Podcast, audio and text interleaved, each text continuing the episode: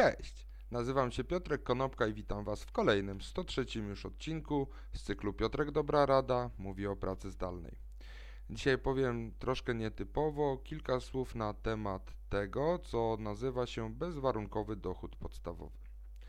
Co to w ogóle jest bezwarunkowy dochód podstawowy? Jest to dochód, który jest powszechny, który trafia do każdego obywatela. Jest bezwarunkowy, czyli aby go otrzymać nie trzeba niczego wykazywać jest dostarczany w formie pieniędzy i jest regularnym przypływem, a nie jest jednorazową zapomogą. Inspiracją do tego odcinka była informacja sprzed dwóch dni, że Niemcy zamierzają uruchomić właśnie na dniach y, takie trzyletnie badanie dotyczące tego uniwersalnego dochodu podstawowego i 120 obywateli tego kraju przez 3 lata będzie otrzymywało co miesiąc 200, 1200 euro. Takie badanie, y, czy taki eksperyment był prowadzony również w Finlandii, gdzie przez dwa lata 2000 osób otrzymywało co miesiąc y, kwotę 560 euro. E, w przypadku Finlandii trudno dostrzec pozytywy tego na rynku pracy, jednak sama gospodarka mogła na tym skorzystać. W Polsce co prawda nie, nie wprowadzono takiego rozwiązania, jednak e, kwestia y, zasiłku pod tytułem 500 plus można, e, można ją uznać za e, taką swoistą nowinkę właśnie w zakresie dochodu podstawowego, ponieważ mamy jakieś 400 miliardów złotych rocznie transferów socjalnych trafiających do nas wszystkich, czyli jeżeli by te wszystkie transfery skumulować, zlikwidować i stworzyć z tego dochód podstawowy, to każdy z nas co miesiąc dostawałby 1000 złotych.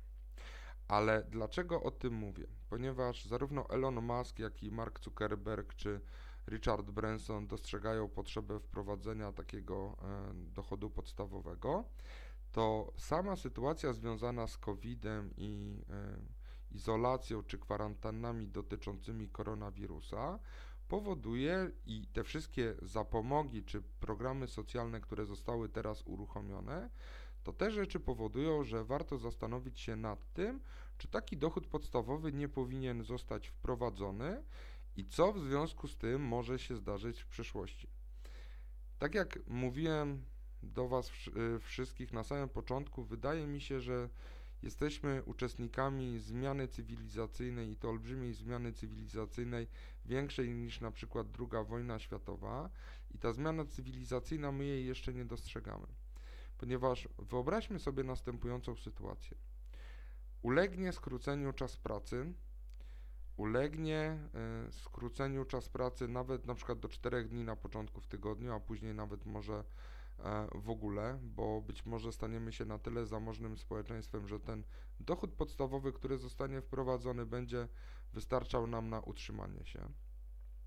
Wyobraźmy sobie sytuację, że mamy ten dochód podstawowy, przestajemy pracować, pracują za nas maszyny lub systemy lub y, sztuczna inteligencja, a dostrzegamy teraz bardzo dynamiczny i bardzo gwałtowny rozwój wszystkich rzeczy e, technologicznych związany właśnie z koronawirusem. I może dojść do takiej sytuacji, że mamy pieniądze na podstawowe przeżycie, nie pracujemy, to warto się zastanowić nad tym, czy na przykład ludzie nie będą skłonni płacić za możliwość pracowania, za możliwość prowadzenia biznesu, tylko po to, żeby się nie nudzić, bo poczucie osamotnienia, poczucie izolacji może być coraz większe i może być jeszcze większe niż jest teraz, w, chwili, gdy my tej pracy nie będziemy mieli, bo jej nie będziemy potrzebowali. I może to jest początek do dyskusji nad tym, czy my jako ludzie, jako istoty społeczne, nie chcemy i nie musimy pracować nie tylko z tego powodu, że mamy pieniądze, ale z tego powodu, że realizujemy się w innych wymiarach.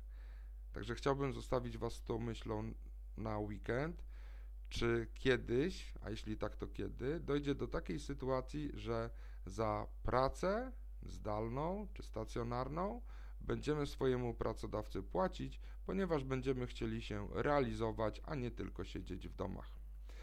Dzięki serdeczne, do zobaczenia i usłyszenia w poniedziałek. Na razie.